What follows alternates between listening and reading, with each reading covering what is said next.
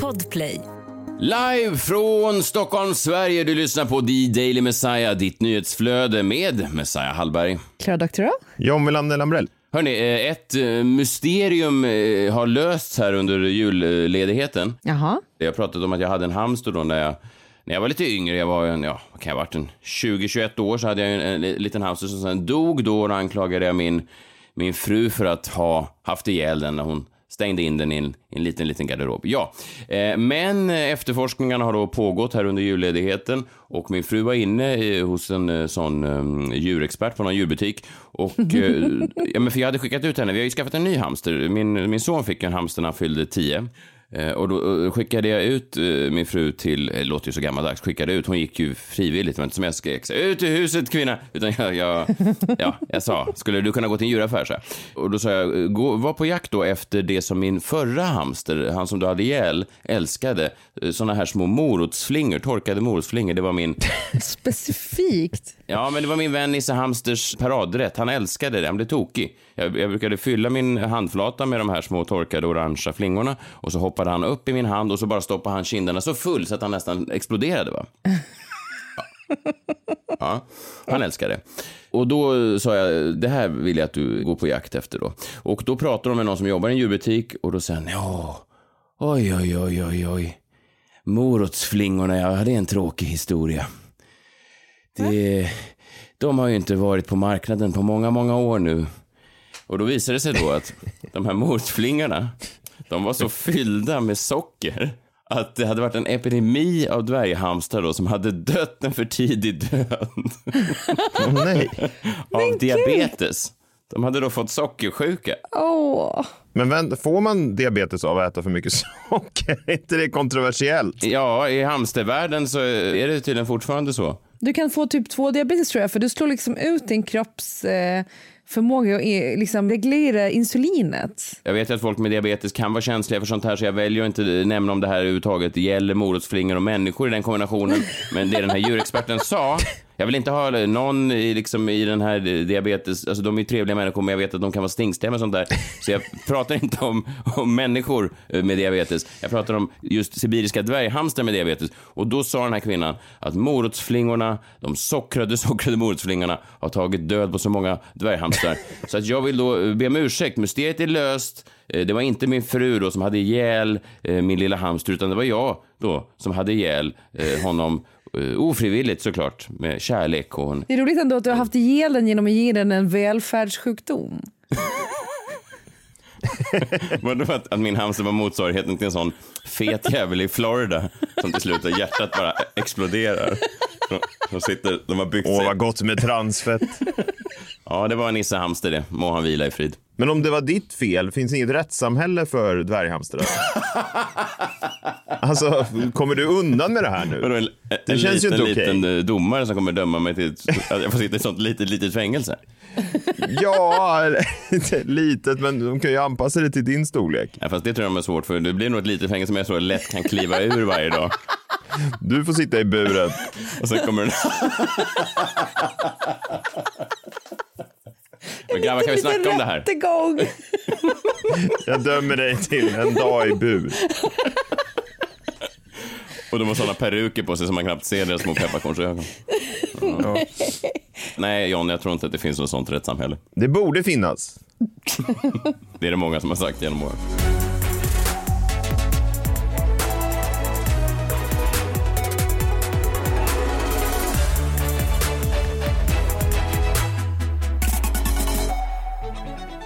Välkomna hit, eh, kära lyssnare. Välkomna hit, eh, Klara och John. Det är ju, som ni vet, en ganska speciell dag idag. Det är den 20 januari. Ja. Och det är såklart annandag Messiah. Eh, Jag vet inte hur ni två väljer att fira. Eh, Själv så har jag ja, bullat upp ett rent eh, ja, pepparkaksbord här hemma kan man säga. Är, man får ta hur mycket man vill brukar jag säga just när det är annandag Messiah. Man brukar, annars så brukar jag begränsa mig kanske till en två, tre pepparkakor i yoghurten. Men när det är annandag Messiah, då är det fritt fram. Vadå, pepparkakorna som du har köpt på, på rea efter jul? Just det, det är så himla billigt nu. Det går ner i pris för varje dag. Så himla Ja, härlig tid att vara julstock. Ja. Ska bara låta. Men är det bara- över Shh, efter tyst, i, inte- idag? Där, där var vi klara. Anna Dahl Messiah, välkomna hit. Och nu är det, det här är sista dagen då eller? Sista dagen på just den här helgen. Och nu väckte jag min lilla hamster här i buren med den här pampiga musiken. Han tittar ut alldeles, han tittar ut alldeles uh, sömndrucken. Han förstår inte. Ja, min lilla vän, det är Anna Dahl Messiah. Han vill ut och fira såklart. Lever han fortfarande? Ja, ja, han har inga motflingor överhuvudtaget. Stackarn, han är så gullig när han tittar ut med sina små eh, pepparkorns. eh, Ja, han är söt. Klara, du hade lite, ja, du sa att du hade lite känning i halsen och då tänkte jag att vad fan, man vill ju inte, man vill ju inte riskera något i dessa tider. Nej, nej, nej, precis. Nej, men jag har gjort sådana här hemtest också. Jag har liksom lyckats köpa sådana hemtest som inte fungerar. Alltså den visar ingenting på någon av linjerna. Hur är det möjligt? Vadå, ingen av linjerna? Nej, ing, inte ens testlinjen. Ingen, det är Aha, fel det betyder att man är död. Ja, för det är så det känns. Nej, men jag känner mig lite skruttig faktiskt. Så det skulle vara min tur att inte ha fått eh, omikron nu. Jag vill ju ha den nu så jag slipper få den sen när jag ska föda. Vilket datum är det du är är beräknad till födseln? Ja, men runt eh, den 26 februari, slutet av februari, så det är liksom, ja det är väl typ sex. Du är en av få man känner som har aktivt försökt att bli infekterad. Alltså du åkte kollektivtrafik och sånt där. Jag, vill, jag hade velat ta det nu också, för nu har jag också precis bokat. Ni kommer ihåg häromdagen när jag pratade om mother blessing, den här ritualen? Just det, de här tunga järnsmyckena som man skulle smida och sådär. Ja. Men nu har jag bestämt mig för att jag ska göra en sån, fast jag ska göra den själv. För jag vill inte att människor ska sitta i grupp och, och, och massera mig och, och sjunga till mig och sådär. Utan jag gör den själv. Så jag, det finns då ett, ett um, spahotell utanför stan som heter Yasuragi eller något sånt där. Jag har aldrig varit där. Jag fick en bokning där en gång av mitt ex, men jag blev så arg på honom för att han bokade där. För jag kände mig liksom, som, ni vet hur man kan känna sig ibland, bara får en massa grejer och inte kan ge tillbaka. Sånt provocerar mig. Jag vill att ett förhållande ska vara väldigt jämlikt. Jag hade varit en jättedålig fotbollsfru. Jag vet hur dina ex kan känna sig. Ja, nej men alltså, jag skällde ut honom efter noter när han hade gett mig en weekend på Yasuragi och så fick han gå och boka av det istället.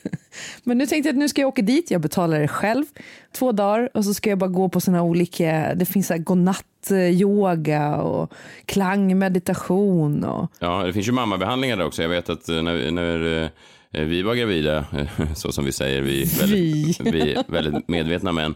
Eh, när vi var gravida då med vårt första barn, precis innan vi skulle föda eh, och vi skulle då leverera vårt första barn, så var vi då på mamma-yoga och då blev vi omhändertagna eh, just med någon sån här, de smorde in magen och, jag låg där bredvid och, och drack eh, drinkar. Men min eh, tanke i alla fall är ju då att jag ska, vilja, jag ska göra de här eh, förberedelserna för förlossningen och så. Bara vara själv eh, på det här stället och, och jassa runt i en sån där morgonrock och ta långa bad och sådär.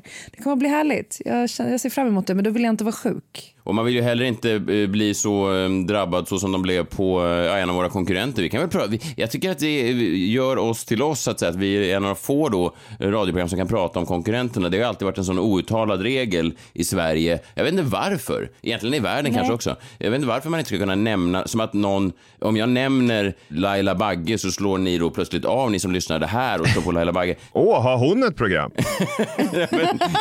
Varför har ingen sagt något tidigare? Tack Messiah. Det är liksom det dummaste argumentet man någonsin har hört. Att de var så här, nej, nej, nej, vi, vi nämner inte konkurrenterna. Varför inte? Och men jag menar också bara att jag tror ingen byter till våra konkurrenter, speciellt inte med tanke på att vi alltid snackar skit om dem. Så det är ingen som, som, som, som hör oss prata om någon annan program och tänker det där låter härligt. Det där programmet de precis kritiserar. Det är i och för sig det finaste betyg man kan få. Vilket då? Att vi snackar skit om dem. Ja, det är det. Det kan de sätta på sin poster.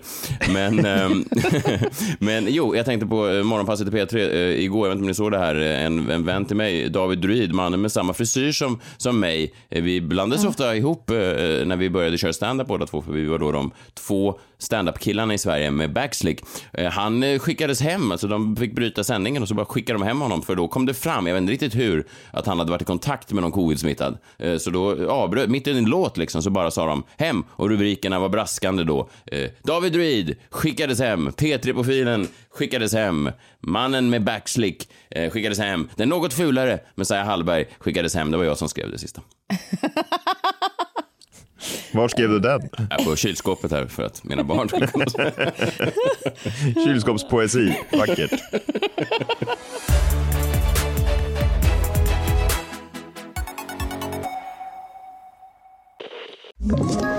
Ett poddtips från Podplay. I fallen jag aldrig glömmer djupdyker Hasse Aro i arbetet bakom några av Sveriges mest uppseendeväckande brottsutredningar.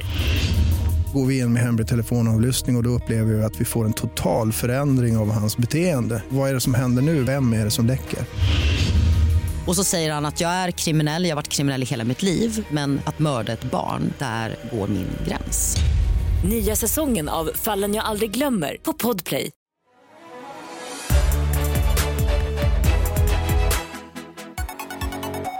Jo, men jag tänkte vi kör lite mysterietema här idag. Eh, vi löste ju då hamstermysteriet som vi alla har grunnat på i, många år. Det är sedan 2005, det är ju 16 års eh, grubbel och funderingar. Eh, och sen så har vi ju eh, krimmorgon, eh, det är torsdag. John, du har ett fall va? Ja, alltså om du kan lösa det här också så vore det eh, otroligt. För det är alltså världshistoriens enda olösta flygplanskapning som jag tänkte prata om. Oh, oh, spännande. Och sen, vet du vad? Jag är, jag är så jäkla så här mysteriesugen idag, så jag tänker att eh, vi ska ta och lösa ett mysterium även i Messias minut.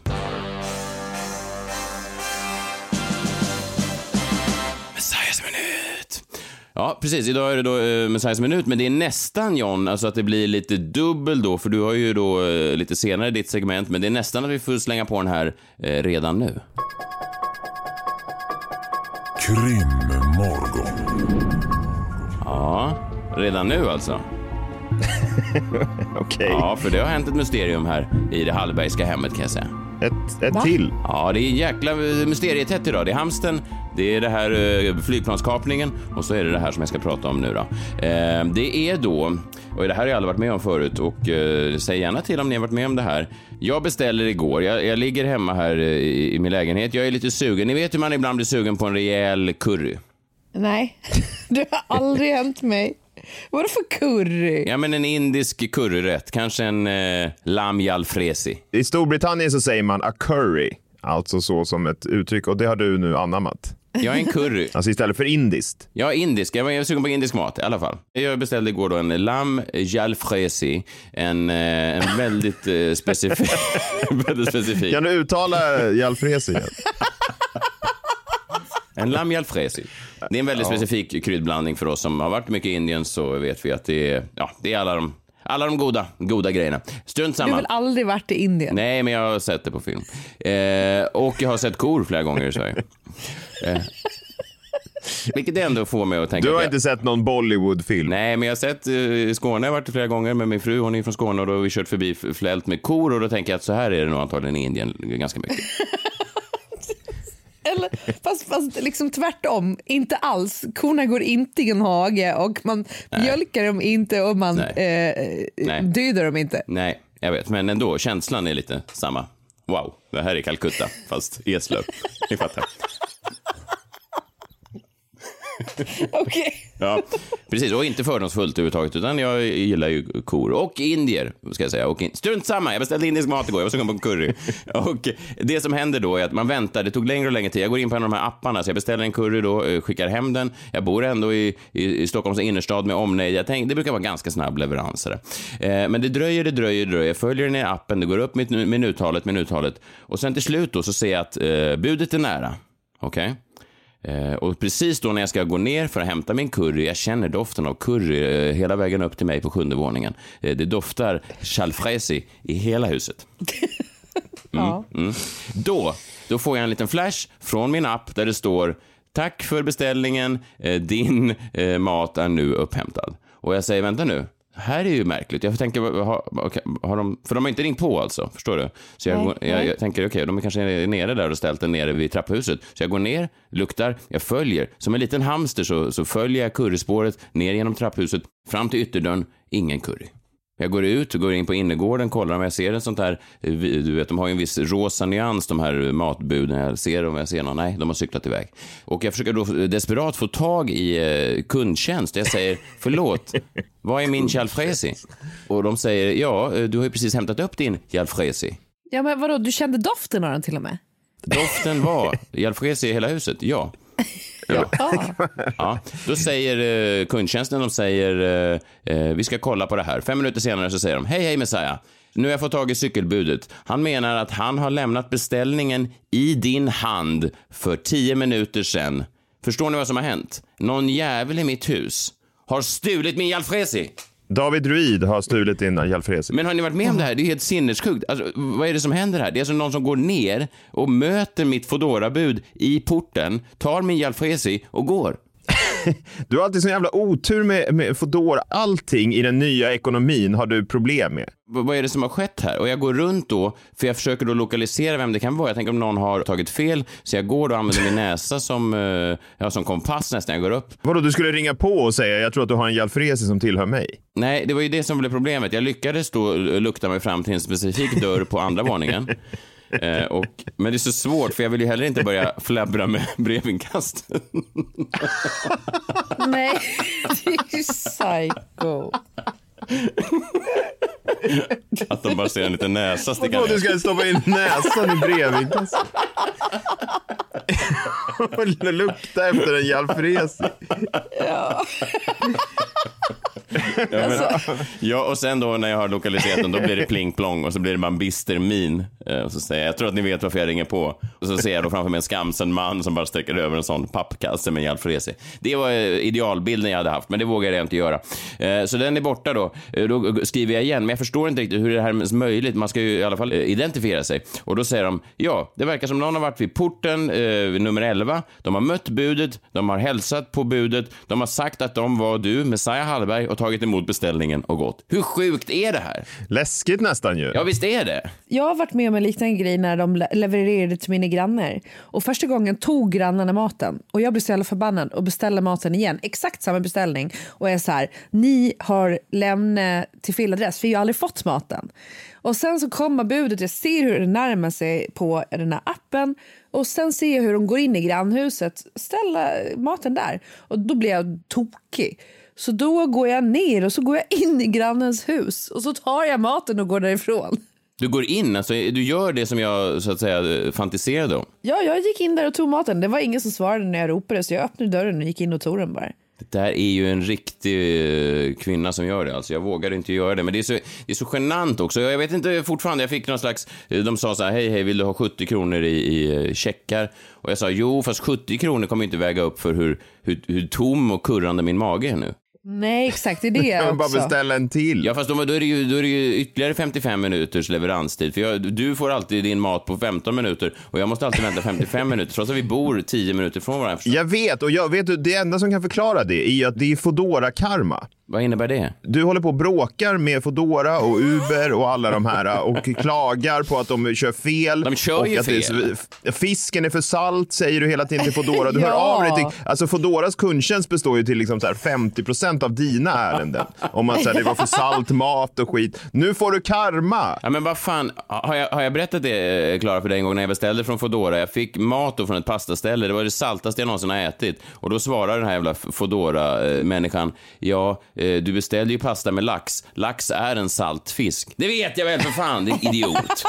Nej, det visste du inte. Lax är ju en salt fisk. Ja, inte- Och då så gav du dig på Fodora för det. Nu får du igen. Ja. Nu gav de din Jalfredi till någon annan. Ja, och det är fan, jag menar att det är någon slags indisk grej det här med karma. Ja, just det, det är det ju ja. Du, du är återfödd som en, eh, som, som en dålig Foodora-kund. Vadå en åttaarmad gud med, med sju armar försöker eh, Ja. texta till Fodora för att klaga på ett bud.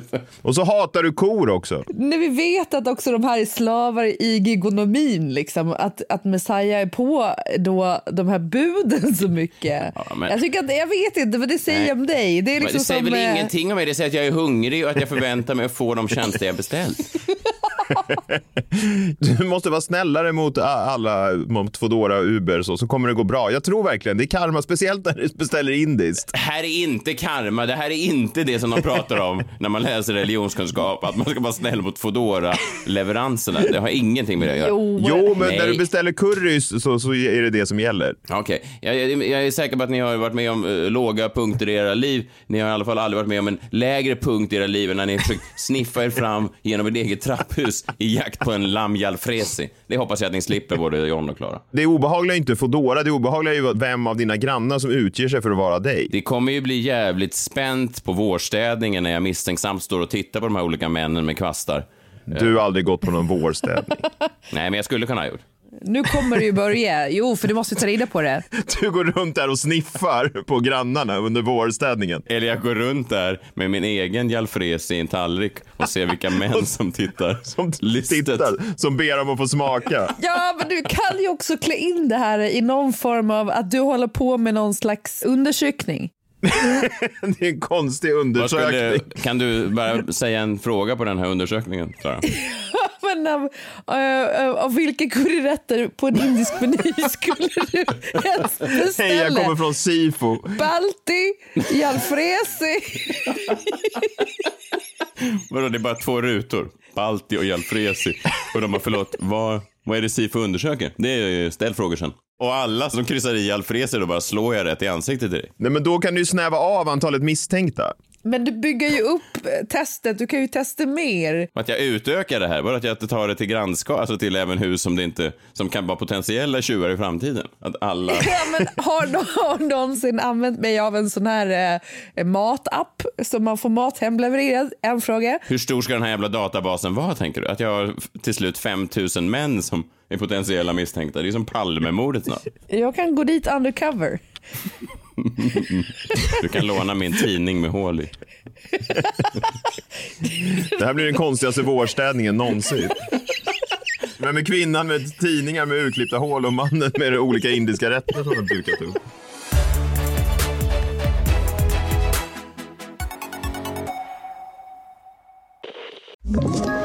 Ett poddtips från Podplay. I fallen jag aldrig glömmer djupdyker Hasse Aro i arbetet bakom några av Sveriges mest uppseendeväckande brottsutredningar.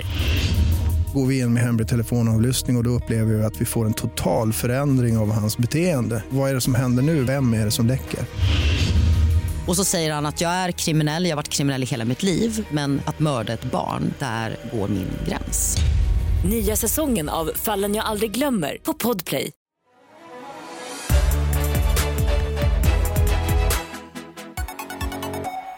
Åh gud, jag vet inte om vi, vi klarar av fler mysterium. Vi har hamsten, vi har den indiska maten och eh, ja, men det är ju torsdag och, och det är ju så, det står ju i, i Guds budord att torsdagar, då är det eh, Sveriges främsta krimexpert som går igenom ett fall. Krimmorgon. Ja, men mysteriet är ju, vem var den trevliga välklädda mannen som klev på ett passagerarplan, krävde 200 000 dollar i en väska och försvann? Och var tog han vägen?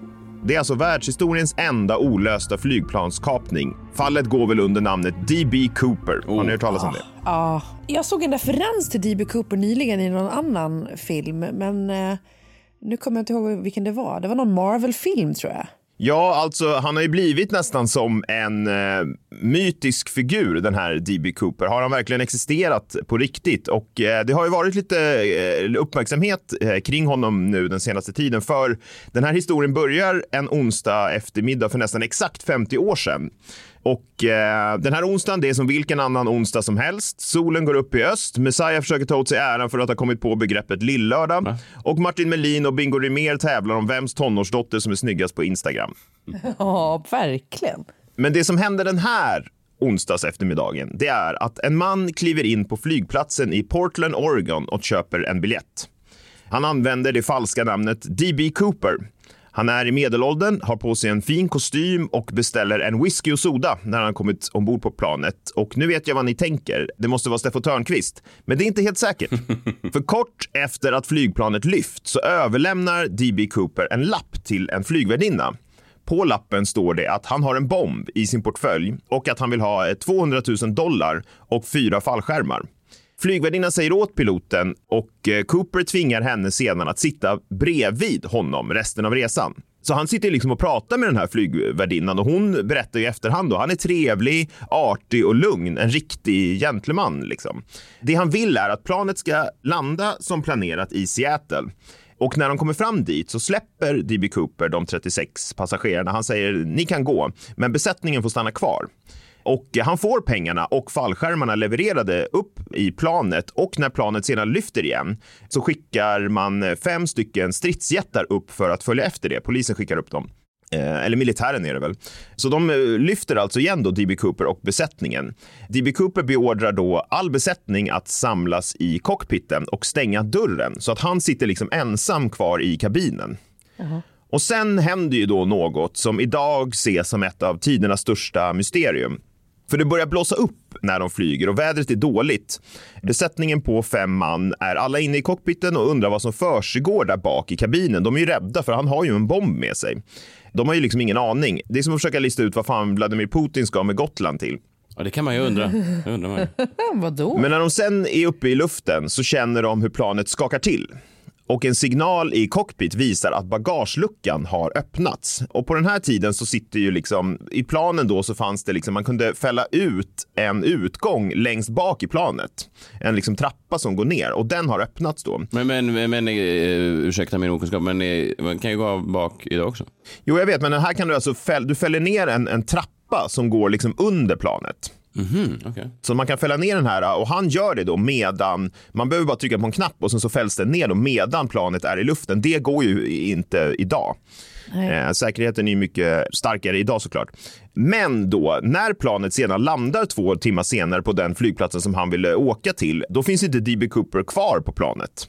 Och borta är också väskan med pengar och två av de fyra fallskärmarna. Man gör stora sökningar överallt i skogarna och sjöarna i området där man flög då och kände att någonting skakade i planet. Men det finns inte ett spår av D.B. Cooper någonstans. Nej. Stort mysterium. Och ingenting händer. Man kommer inte fram till vem det här var eller var han tog vägen förrän då något händer nästan på dagen tio år senare när åttaåriga Brian håller på att bygga ett sandslott. Och när han gräver i sanden så får han fram flera sedelbuntar. Han tar det här till sina föräldrar och som sen visar det för polisen och det visar sig vara en del av pengarna som D.B. Cooper fick. De hade samma serienummer då. Jävlar. Som låg då nedgrävda under sanden eller om de har varit på sanden och sen sjunkit ner i den på något sätt under de här tio åren. Det vet man ju inte. Men frågan är ju var tog resten av pengarna vägen och var är D.B. Cooper? Det har ju funnits tusentals misstänkta genom åren nästan. Eh, experter har också varit oeniga om han verkligen kunnat överleva det här hoppet i det stormiga vädret. Och det faktum var också att en av de här två fallskärmarna som han tog med sig i hoppet var icke-fungerande. Det var liksom bara en övningsfallskärm som de hade gett av misstag. Och det känns ju tryggt att veta att man kan råka få en sån. Så att en av fallskärmarna han tog med sig i hoppet fungerade inte. Så man vet ju inte vilken fallskärm använde han. Den fungerande eller den icke-fungerande? Det vet man ju inte. Han hade liksom 50 procents chans där. De flesta har ändå trott att även om D.B. Cooper lyckats genomföra hoppet så skulle han inte klara sig i vildmarken i det kalla vädret. För det här var liksom mitt i ingenstans då på vintern. Men han måste ju ha förberett det ändå ju. Ja, det är ju det man inte vet eh, riktigt då, utan han verkar ju väldigt säker på. Han vet att han vill landa där de ska landa, vilken summa pengar han vill ha med sig. Han säger flyg till den här flygplatsen och sen så hoppar han mitt i det. Så det verkar ju välplanerat. Men varför skulle han? Det man undrat är ju varför skulle han välja att hoppa över liksom en vildmark? Ja. Och han hade ju bara en kostym på sig och det här var ju det var skitväder och allt sånt där. Det låter ju som en, eh, ett impulsbeslut eller att han kände att han... eh, Men det är ju å andra sidan konstigt att eh, ha förberett. Att det skulle vara det enda. Ja, att det skulle vara det enda impulsbeslutet. Ja. Jag tänker att, typ att ja, det blir väl svårtillgängligt då för Eh, polis och annat att ta sig dit och, och hitta honom. Men samtidigt utsätts han för en enorm risk. Men även om han klarar ett hopp och sen så befinner du dig mitt i ingenstans bland, jag vet inte, vilda djur och, och, och du är bara en kostym på dig och en väska med pengar. Men kanske. Men 2016 då i alla fall så lägger FBI officiellt ner den här utredningen kring flygplanskapningen. De menar på att de behöver fokusera sina utredningsresurser på ärenden med mer brådskande prioritet. Som vad då undrar jag?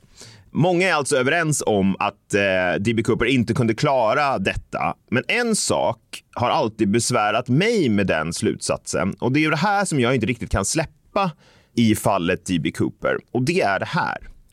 Ingen person anmäldes försvunnen som kan stämma in på D.B. Cooper under den här tiden i USA.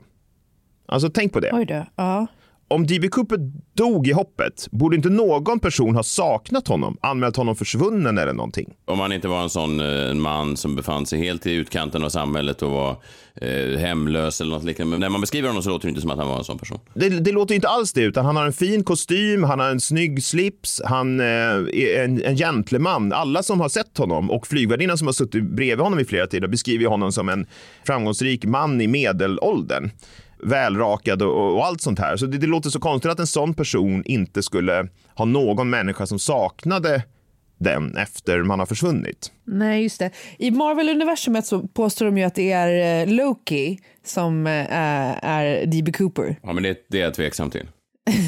Vem är det? Alltså Loke, Loki. En annan Marvel-karaktär. Har ni inte sett Loki på Disney+. Plus? Jag tycker det är en av de värsta serier jag har sett. Nej, den är otrolig. Den är ja, underbar. Ja, min son tycker om den, men den är helt omöjlig att hänga med i också. Man, jag, känner, jag har aldrig känt mig så gammal som när jag ser den. Jag sitter och, jag sitter och frågar min son hela tiden. Vem är det där? Jag somnar ju också, vilket i och för sig inte underlättar att hänga med. Att jag vaknar och vad händer nu? Varför är de... De hoppar mellan tiden. John, du skulle avsky den kan jag säga. Är det en barnfilm? Nej, det är ingen barnfilm. Vet du vad, John, förresten, jag ska inte avbryta din krimmorgon, men var, vi fick in ett, ett argt mail här till um, the, uh, dailymessiah.gmail.com. Mm -hmm. uh, JVLs fall. Nu räcker det. Sluta lyssna, säger en kille som heter Stig här. Det finns inget versaler värre än folk som bara jag tittar inte på barnfilmer för jag är vuxen. Det är larvigt, versaler.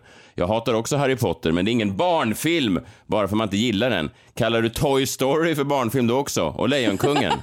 Nu slutar jag lyssna. Så det är så. Dessutom har han 6000 följare på TikTok, så att, eh, där har du en fiende för livet, John. Va, vad hette han? Stig. Stig, ja, jag kallar Toy Story för en barnfilm. Tillbaka till krimmorgon. Så de två stora frågorna kommer ju med all sannolikhet att fortsätta leva vidare i och med att fallet också är nedlagt. Och det är ju, vem var D.B. Cooper? Och kom han undan? Kallar du även Lejonkungen för en barnfilm? ja, alltså om, om en film är gjord för barn så tror jag att per definition att det är en barnfilm. Ja. jag vet inte vad som är, vad är det för konstigt med det? Alltså det är väl inget konstigt att det finns barn. Varför skulle inte barn få egna filmer producerade för sig? Det låter väl rimligt? Visst var du klar där? Japp. Bra. Vi eh, hörs imorgon. Då är det fredag, hörni. Mm. Ta hand om er själva och varandra. Vi hörs då. Hej, hej! Hej, hej! Hej!